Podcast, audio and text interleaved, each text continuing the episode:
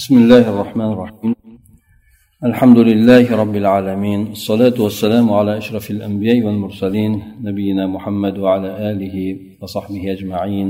أما بعد نمص حق دقير صالدان دامت في كان درسنا إياك نعبد وإياك نستعين آياتنا تفصيل أسطورس كيف لا كان دي بندا تختجن جيمس تقديم العبادة على الاستعانة دي كان موضوع كلب تختجن كان يعني iyyaka na'budu kalimasini iyyaka nastain kalimasidan muqaddam qilishlik. Ya'ni alloh taologa ibodat qilishlikni alloh taolodan yordam so'rashlikka muqaddam qilinishligi hikmatlari haqida bu yerda bir nechasini keltirib o'tadi. Iyyaka na'budu kalimasini ya'ni sengagina ibodat qilamiz deb alloh taoloni aytgan oyati hamda undan keyingi iyyaka nastainni muqaddam qilinishligini sababini men tushungandekman deb aytadi. Ya'ni ibodatni yordam so'rashlikka muqaddam qilishlik sabablarini tushungandekman deb aytib o'tadi. Bularni bir necha sabablarni keltirib o'tadiki nimaga alloh taolo iyaka nabuduni oldin keltirdi iyaka nastainni keyin keltirdi? Albatta bu yerda yana iyaka degan so'zni oldinga keltirilganligi sababini ham bayon qilib o'tadi. Bulardan birinchisida aytadiki g'oyani yoki g'oyalarni vasilatlardan muqaddam qilishlik degani. Ya'ni g'oya bilamizki alloh taologa ibodat qilishlik unga bo'ladigan vosita esa alloh taolodan yordam so'rashlik bo'ladi. Insonni bu hayotda yaralishlik maqsadi o'zi ham allohga ibodat qilishlik bo'ladi. Shuning uchun buni muqaddam qilindi deydi. Ikkinchisida aytadiki alloh taoloni haqqini bandani haqqidan muqaddam qilishlik bobidan bo'ladi deydi. Negaki ibodat xudo uchun qilinadi yordam so'rashlik uchun esa bandani manfaati uchun qilinadi. Ana o'shandan ibodat ollohni bandani ustidagi bo'lgan haqqi ammo yordam so'rashlik bo'ladigan bo'lsa bu bandani robbi bilan yordam so'rashligi bo'ladi. Bu yerda alloh taoloni haqqi muqaddam qilindi deb keltirib o'tadi. Hop demak tushunayotgan bo'lsak kerak bu yerda alloh taolo bir narsani keltirgan bo'lsa bir so'zni bir joyga qo'ygan bo'lsa albatta u qur'ondagi behikmat bo'lmaydi. Har bitta so'z o'zini o'rnida ya'ni insonda bo'lishi mumkin. Gapirayotib turib so'zlarni o'rnini almashtirib yuborishi mumkin. U insondagi ba'zan hikmatni iroda qiladi ba'zan shunchaki og'zidan chiqqan so'z bo'ladi. Lekin albatta alloh taolo bir so'zni bir joyga qo'ygan bo'lsa u behikmat bo'lmaydi. Nima uchun? Qo'yilganligi sababini qaraladi hikmatini tekshiriladi bandalarni ahli yetsa yetadi yetmasa keyin allohni o'ziga havola qilishadi. Uchinchidan aytadiki chunki mutlaq bo'lgan ibodat yordam so'rashlikni o'z ishiga oladi dedi. Allohdan yordam so'rashlik ham bu allohga ibodat qilishlikni turlaridan bittasi bo'ladi. Min g'oyri aksim degani aksi emas. Aksi emas degani ibodat yordam so'rashlikni ichiga kirmaydi. Balki yordam so'rashlik ibodatni ichiga kiradi. Allohga har bitta to'liq suratda ibodat qilayotgan kimsa bu ollohdan o'z öz o'zidan yordam so'rayotgan bo'ladi. Lekin aksi emas. Nimaga? Chunki masalan allohdan yordam so'rayotgan kimsa allohdan yordam olayotgan kimsa masalan u turli maqsadlar shahvatlar sohib bo'lishi mumkin. Ba'zan o'sha o'zini xohish istaklariga yordam so'rayotgan ibodatga emas balki o'zini xohish istaklariga yordam so'rayotgan odam bo'lishi mumkin. O'shandan ibodat mukammalroq to'liqroq deb e'tibor qilinadi. To'rtinchidan esa yordam so'rashlik bu ibodatni bir bo'lagi aksi emas. Ha yordam so'raydigan bo'lsang allohga ibodat qilganlik jumlasidan bo'ladi. Lekin aksi emas demak allohga yordam so'rayotgan odam doim ham ibodat qilolmaydi balki inson o'zini hojatlari uchun yordam so'rashligi ham mumkin allohdan. Beshinchisi yordam so'rashlik ollohdan talab qilinadi ibodat esa olloh uchun talab qilinadi. Shuning uchun muqaddam qilingan. Ya'ni yuqorida aytib o'tgan gapda yordamni ollohdan so'raysan banda ya'ni o'zini manfaati uchun bo'ladi. Aksar holatlarda ibodat esa allohni haqqi uchun bo'ladi. Oltinchidan ibodat faqat ixlosli bo'lgan odamdangina qabul qilinadi. Yordam so'rashlik esa ixlosli bo'lsin ixlosli bo'lmasin insondan qabul qilinaveradi bu narsa inson aytib o'tdik o'zini hojatlari uchun ham aytaylik e, dunyoviy bo'lgan ishlar uchun ham allohdan yordam so'raveradi inson. Yana aytadiki yettinchi sababi ibodat alloh taoloni seni zimmangdagi haqqi. Ya'ni bandani ustidagi haqqi allohga ibodat qilishlik. Yordam so'rashlik bo'ladigan bo'lsa alloh taoloni ibodatiga yordamni talab qilishlik bo'ladi. Ya'ni o'sha allohni haqqini ado etishlikda allohni o'zidan yordam so'rayotganing bo'ladi. Bu esa go'yoki allohni sadaqasiga ko'ndalang bo'lishlik o'rnida bo'ladi. Ollohni haqqini ado etishlik ollohni sadaqasini olishlikdan ko'ra muhimroq bo'ladi. Sakkizinchisi esa ibodat bu alloh taoloni senga bergan ne'matlarga shukur aytishliging bo'ladi. Bu ham ibodat bo'ladi. Alloh taolo shukur aytilishligini yaxshi ko'radi. Yordam so'rashlik bo'ladigan bo'lsa alloh taoloni sen bilan qiladigan ishi bo'ladi va seni muvaffaq qilishligi bo'ladi. Agar sen alloh taoloni ibodatini lozim tutadigan bo'lsang alloh taolo seni o'shanga yordam qilgan bo'ladi. Demak allohni ibodati qilayotgan bo'lsang alloh taolo seni o'shanga muyassar qilib qo'ygan bo'ladi. Banda qanchalik ibodati to'liq bo'ladigan bo'lsa allohdan bo'ladigan yordam ham shunchalik katta bo'ladi. Demak bandani ibodat qilishligiga bog'liq bo'ladi allohni yordam berishligi ko'proq deydi. To'qqizinchidan ibodat ikki tomondan yordam bilan qoplangan bo'ladi. Ya'ni ibodatni muhimligini keltirib o'tmoqchi shundan ham ya'ni ibodatdan oldin ibodatni lozim tutishlikka allohdan yordam so'ralinadi. O'sha ibodatni bajarishlik uchun yordam so'ralinadi. Va ibodatdan keyin boshqa ibodatlarga muyassar qilishligini yana allohdan so'ralinadi.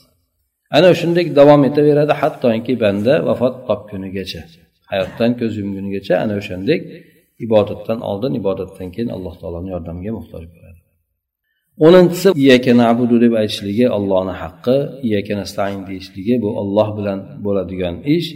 Olloh uchun qilinadigan narsa bu olloh bilan bo'ladigan narsadan muqaddam qilinadi. Chunki olloh uchun bo'ladigan narsa allohni yaxshi ko'rishlikka aloqador bo'ladi. Olloh bilan bo'ladigan narsa esa allohni xohishiga bog'liq bo'ladi. Olloh xohlasa beradi xohlamasa yo'q. Alloh uchun bo'lgan biron narsa do'zaxda qaror topmaydi. Lekin endi olloh bilan bo'ladigan narsa esa bu olloh agar qaror topishlikni xohlaydigan bo'lsa do'zaxda qaror topishligi mumkin deydi. Ya'ni aytib o'tdikku inson alloh taolodan yordam so'raydi ba'zan yaxshi bo'lmagan narsasiga yordam so'raydi. O'ziga zarar bo'lgan o'ziga gunoh bo'lgan yoki boshqa zulm bo'ladigan narsasiga ham yordam so'rashligi mumkin. Lekin allohni ibodatida inson bunday emas. Koinotni butun hammasi alloh taoloni mashiyatiga bog'liqdir.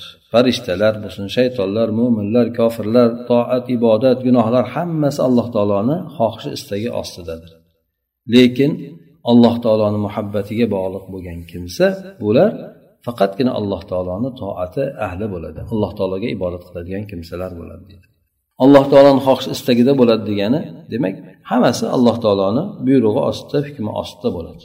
Farishtalar bo'lsin toat ibodat yoki shayton inson mo'min hammasi bo'lishidan qat'iy nazar. Lekin alloh taologa muhabbat qilgan kimsa bo'ladigan bo'lsa albatta alloh taoloni toat ahlidan bo'ladi bular ya'ni haqiqiy muhabbatni e'tiborga olmoqchi sirul iltifat deb aytib o'tadiki bu yerda bir holatdan boshqa bir holatga o'tishlikni siri bu qanday holat? Agar o'zi aslida oyatlarni kelayotgan oqimiga qarab aytiladigan bo'lsa bunda inson iyahu nabudu deb aytishlik kerak bo'lardi. Odatda shunday bo'lishi kerak edi. Nimaga? Boshdan boshladi. Allohga hamd bo'lsin. Ha u zot rahmdil mehribon dedi. Qiyomat kunini egasi biz o'sha zotga ibodat qilamiz deb aytish kerak edi. To'g'rimi? O'zi odat oqim bo'yicha shunaqa aytish kerak edi. Lekin bu yerda inson g'oyibdan muxotab siyg'asiga ko'chib o'tdi. Undan senga o'tdi. Allohga hamd bo'lsin dedida senga ibodat qilamiz dedi. Buni lug'at ahllari iltifot deyiladi. Iltifot degani o'sha bir mazmunda kelyapti bir holatdan ikkinchi bir holatga ko'chib o'tishlikni aytadi. Buni hikmati allohu alam aytadiki namoz o'qiyotgan odam namozga kirgan paytida xuddi bir g'arib odamdek bo'ladi. Robbisiga kirgan g'arib odamdek bo'ladi. Shunda u alloh taologa turli maqtovlarni aytadi. Ya'ni allohga hamd bo'lsin deb g'oyib suratida aytadi. Maqtovlarda aytib alloh taologa yaqin bo'lgandan keyin go'yoki alloh taolo unga aytgandek bo'ladiki ey banda sen menga hamd aytding menga maqtov aytding meni ulug'lading. Ana endi men sendan o'rtadagi pardani olib qo'yishligimga haqli bo'lding.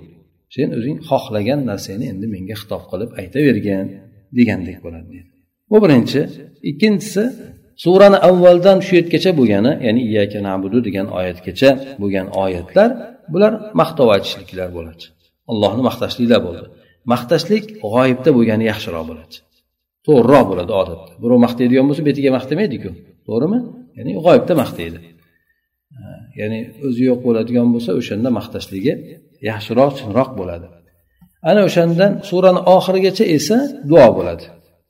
Ya'ni iyyaka na'bududan keyingi ehdina sirotal mustaqim sirotal ladzina an'amta alayhim g'ayril mag'dubi alayhim valaddallin bilan duo inson qiladigan duo. Ya'ni bizni to'g'ri yo'lga yo'llagan adashtirib qo'ymagin boshqa deb turib duo bo'lsa hozirlik bo'lib turgan paytda ya'ni og'izdan quloqqa ketadigan ya'ni og'izdan to'g'ri eshitadigan holatda bo'lishligi bu yaxshiroq bo'ladi umidliroq bo'ladi. Inson duo qilayotgan paytda emas sen deb qilishligi o'sha duosini ijobat bo'lishligiga yaqinroq bo'ladi. Ya'ni shu narsasi umidliroq bo'ladi. Shuning uchun banda ana undan keyin deb turib bizni o'zing yo'llagin deb alloh taologa olloh bizni yo'l o'sha zot bizni yo'llasin deb aytgandan ko'ra olloh sen o'zing bizni yo'llagin deyishligi bu avloroq bo'ladi umidliroq bo'ladi deb aytib o'tyapti. Demak bu yerda ikkita bo'lgan hikmatni tushungan bo'lsanglar kerak. Inson alloh taologa maqtov aytgandan keyin alloh taolo go'yoki bandani maqtovidan keyin pardani ko'tardida ana endi menga bemalol xitob qilavergin degan mazmunda aytgan bo'ladi ikkinchisi esa duo bilan maqtovni o'rtasidagi kelgan holat. Ana endi botillik yoki nohaqlik va yordamsiz holatda qolishlikdan ehtiyot bo'lgin deydi. Endi qaysi ibodatiki olloh uchun bo'lmasa va olloh bilan bo'lmaydigan bo'lsa u botil bo'ladi. Hech qanaqangi savob ajri bo'lmaydi yemirilib ketadi yo'q bo'lib ketadi u ibodat. Xudo uchun bo'lmagandan keyin inson u narsani qiyomatda ham topolmaydi dunyoda asoratini ham topolmaydi. Shuningdek yordam so'rashlik ham albatta alloh taoloni o'zi bilan bo'lishi kerak. Alloh qodir bo'ladigan narsalarga allohni o'zidan yordam so'ralinadi. Agar bunday bo'lmaydigan bo'lsa alloh taolo insonni o'shanga topshirib qo'yadi. Olloh o'zi uni yordamsiz qo'yadi. Bu degani banda esa xorlik holatiga tushib qoladi degani. Ana endi ikkinchi holat nimaga endi iyyaka degan so'zni muqaddam qilindi. Arab tilida aytaylik har bitta so'z o'zini o'rniga kelishi kerak dedik. Tartib bo'yicha arab tilida aytayotgan paytda fe'l keladi fe'ldan keyin fe'lni egasi fe'lni egasidan keyin qiladigan narsa keladi. O'zi aslida bandani so'zida ketadigan bo'lsa bir narsani iroda qilmasa nabuduka bo'ladi. Nabuduka degani biz senga ibodat qilamiz degani iyyaka nabudu deb iyani fe'ldan oldinga olishlik arab tilida albatta bir sabab bo'ladi. Besabab olinmaydi. Ya'ni tartib o'zgartirilmaydi tartib buzilmaydi besabab. Albatta uni sababi bo'lishi kerak. O'sha sababini bu yerda aytib o'tyaptiki buni to'rtta sababi bor dedi. Ya'ni iyyaka degan so'zni oldinga muqaddam qilinishligini yordam so'rashlikni ham ibodatni ham faqat alloh taoloni o'zigagina chegaralashlik ollohni o'zigagina bog'lashlik undan boshqalardan nafiy qilishlik bo'ladi. Ya'ni senga ibodat qilamiz degani bunaqa uslubda sendan boshqasiga ibodat qilmaymiz degani. Faqat sengagina ibodat qilamiz deb aytgan bo'ladi. E, sendangina yordam so'raymiz boshqadan yordam so'ramaymiz deganni inson shunday ifoda qiladi. Bu esa o'sha balog'at turlarini ichida eng go'zali hamda eng muxtasari deydi. Ya'ni arab tilida balog'at bor. So'zlarni iloji boricha kenglik emas balki qisqalikka harakat qilinadi arablarda. Ana o'sha nabudu iyyaka vahdaka degandan ko'ra nabuduka vahdaka degandan ko'ra iyyaka nabudu deb aytishligi qisqaroq bo'ladi ham yetukroq ma'noda bo'ladi. Olloh bilan bo'lgan odob ham sen alloh taoloni o'zingni ibodatingdan ko'ra muqaddam qilding. Oldin ollohni zikr qilding keyin ibodatingni zikr qilding. O'zingni zikr qilishdan oldin ollohni zikr qilding bu olloh bilan bo'lgan odob ya'ni senga ibodat qilamiz deb turib oldin senniki alloh taologa so'zni keltirildida ana undan keyin inson o'zi qiladigan amalni keltirdi. Bu yerda alloh taolo bizga u bilan muomala qilishlik odobini o'rgatyapti. Qanday?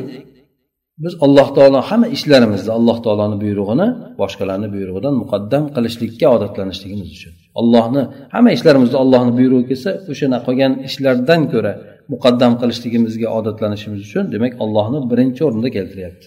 Qiladigan ishlarimizdan alloh taoloni birinchi. Ibodat qiladigan bo'lsak ixlosni oldin keltirishimiz kerak masalan. Ya'ni bu yerda haqiqatdan siz uchun alloh taologa ibodat qilayotganingizda yordam ham bor bu deydi agar sizga og'irlik qilib qoladigan bo'lsa ya'ni toat ibodat qilayotgan paytingizda biroz og'irlik his qilib qoladigan bo'lsangiz sizga o'sha yerda go'yoki yordam bor deb aytdi. Bu kalima surani o'rtasida to'satdan kelganligi sizga bir yordam bo'ladi deydi. Ya'ni sizni shu narsaga ogohlantiradiki ibodat qilinadigan zot faqatgina alloh taoloni o'zi alloh taoloni haybatini hozir qilishlik alloh taoloni ulug'lashlik bilan esa sizga ibodat yengil bo'ladi. Ya'ni bu yerda bu kishi aytmoqchi bo'layotgan narsa ibodatni o'rtaga kelgan paytingizda alloh taoloni bir sizga eslatib o'tyapti. Alloh taoloni yolg'iz o'zigina ibodat qilinadigan zot ekanligini sizga ogohlantirib o'tyapti. Bu bilan esa siz qalbingizga shu narsani keltirishligingiz bilan ibodatingiz yengil bo'ladi deb bir mazmunni keltirib o'tyapti bu yerda. Ya'ni yuqorida aytib o'tgan narsasi bu o'sha tepadagilarga bog'liq bo'lgan narsa inson demak alloh taoloni eslab turishligi ibodatini yengil bo'lishligiga sabab bo'ladi deydi. Insonni birinchi bo'lib turib g'oyaga e'tiborni qaratishlik bor. Ana undan keyin o'sha g'oyaga olib boradigan vositaga e'tiborni qaratishlik bor. G'oya kim? Alloh taolo bu g'oya insonni g'oyasi ollohdir ibodatlar bo'lsa o'sha allohga olib boradigan vositalar hisoblanadi. O'sha alloh taologa yaqinlashtiradigan allohni roziligiga olib boradigan vositalar amallar hisoblanadi. Ya'ni bu yerda iyyaka degan kalimani qaytarishlik. Nimaga endi ikki marta qaytaramiz? Iyyaka nabudu va iyyaka nastain deb iyyakani ikki marta qaytaramiz. Odatda arablarda bitta mafulni o'zi bilan kifoyalansa bo'ladi lekin bu yerda ikki marta aytilayotganligini siri endi. Bu yerda ta'kid borasida hamda qat'iyat bo'ladiki ya'ni alloh taolodan boshqasi mutlaq suratda ibodat qilinmasligi kerak. Allohdan boshqadan yordam so'ranmasligi kerak bo'ladi. Bu zamirni zikr qilishni qayta qayta keltirishlikda uni bir marta keltirishlikdagi bo'lmagan quvvat bor. Ya'ni uni qayta qayta keltirishlikda shunday bir quvvat borki uni bir marta keltirishlikda unchalik quvvat topilmaydi. Agar siz masalan podshoga aytadigan bo'lsangizki senigina yaxshi ko'raman bor sendangina qo'rqaman deydigan bo'lsangiz albatta bu yerda unga bo'lgan zotiga bo'lgan muhabbat zotidan bo'lgan qo'rquv unga xoslanganligi va yana uni zikriga e'tibor berganlik shunday bir holatda bo'ladiki siz faqatgina seni yaxshi ko'rib qo'rqaman deganingizdan ko'ra bu yerda o'sha qo'rquv bilan muhabbatni unga xoslaganligingiz bo'ladi deydi. Ya'ni senigina yaxshi ko'raman va sendangina qo'rqaman deganda ikki narsani inson o'shanga xoslayotgan bo'ladi. Yani muhabbat ham sen uchun qo'rquv ham sen uchun deyotgan bo'ladi. Endi seni yaxshi ko'rib qo'rqaman desa senigina yaxshi ko'ramanu lekin qo'rqishlikda unchalik emas. Demak o'sha ibora bo'lganligi uchun arablarda iyaka deb ikki marta keltirishligi bu judayam quvvatli sanaladi. Ya'ni ikkala narsani ham bir o'sha allohga xoslab qo'yadi. Shuningdek takrorlashlikda bandalarni alloh taoloni zikrini ya'ni yangilab turishlik takror takror zikr qilib turishligi hamma vaqtda allohni zikrini ko'paytirib turishlikka bir bandalarni o'rgatishlik ham bor bu yerda. Malollanmagin allohni zikrini ko'paytiravergin degani ham bor bu yerda. Yana undan tashqari inson ollohni munojotini allohga xitob qilishligini takror takror qiladigan bo'lsa inson bunda rohat ham oladi. Allohga munojat qilganligi sababli. Siz endi zamirda aytib o'tdikku bu yerda udan senga o'tdik dedik ha? Ollohni u deb turib turib ana undan keyin sengagina deb aytildi endi.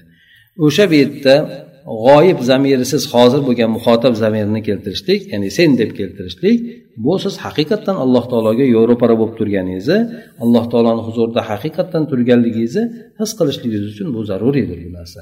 Ya'ni haqiqatdan alloh taoloni huzurida turganligingizni his qilishligingiz uchun shu narsa insonga ko'proq kerak deydi. Faqat unga deb aytgandan ko'ra. Yana iyyaka nabudu va iyyaka nastainni ma'nolaridan shuki la nabudu sendan boshqaga ibodat ham qilmaymiz ibodatlarimizdan bironta sizga quvvatimiz yetishligi ham o'shanda bardavom bo'lishligimiz ham faqatgina sendan yordam so'rashlik bilan bo'ladi. Agar sendan yordam bo'lmasa ibodatga ham muyassar bo'lmaymiz ibodatimizda barqaror ham bo'lmaymiz bardavom ham bo'lmaymiz. Demak insonni ibodati muyassar bo'lishligi alloh taolodan yordam so'rashlik bilan bo'ladi. Agar alloh taolo sizdan tavfiqni mahrum qilib qo'yadigan bo'lsa olib qo'yadigan bo'lsa siz o'sha shaytoni lain bilan birgalikda quvilganlardan bo'lib qolasiz. Allohni rahmatidan uzoq bo'lib ketib qolasiz. Iyyaka nabudu va iyyaka nastain oyati atrofida butun qur'on shu atrofda aylanadi deydi. Ya'ni bir taammul qilib ko'ring fikr yuritib ko'ring qanday qilib qur'onni hammasi boshidan oxirigacha mana shu oyat atrofida aylanadi.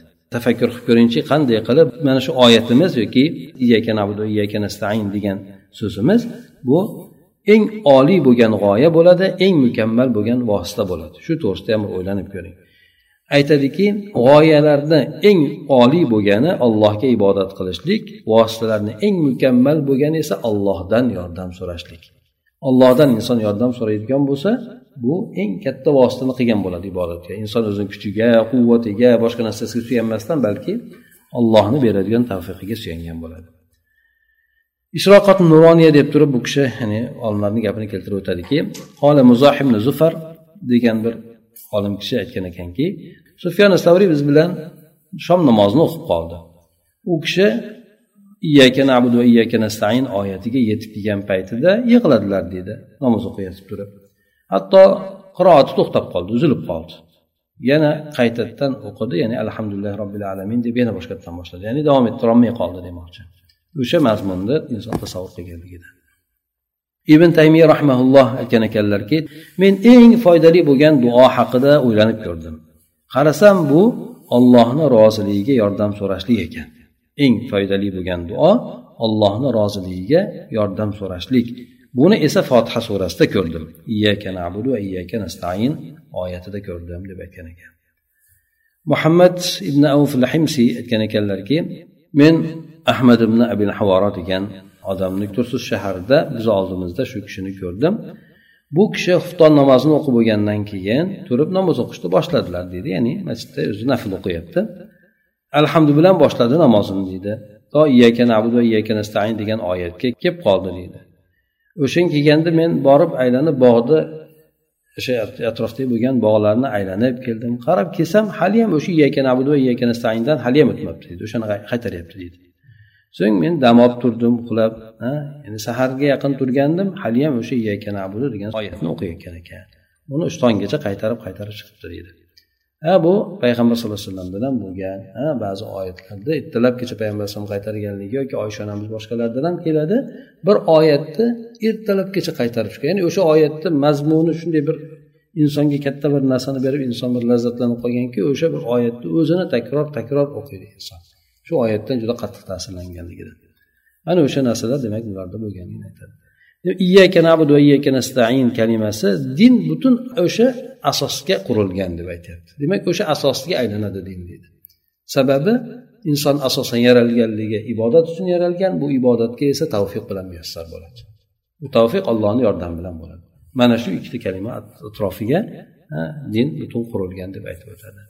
سبحانك اللهم وبحمدك نشهد أن لا إله إلا أنت نستغفرك ونتوب إليك. اللهم انفعنا بما علمتنا وعلمنا ما ينفعنا وزدنا علما.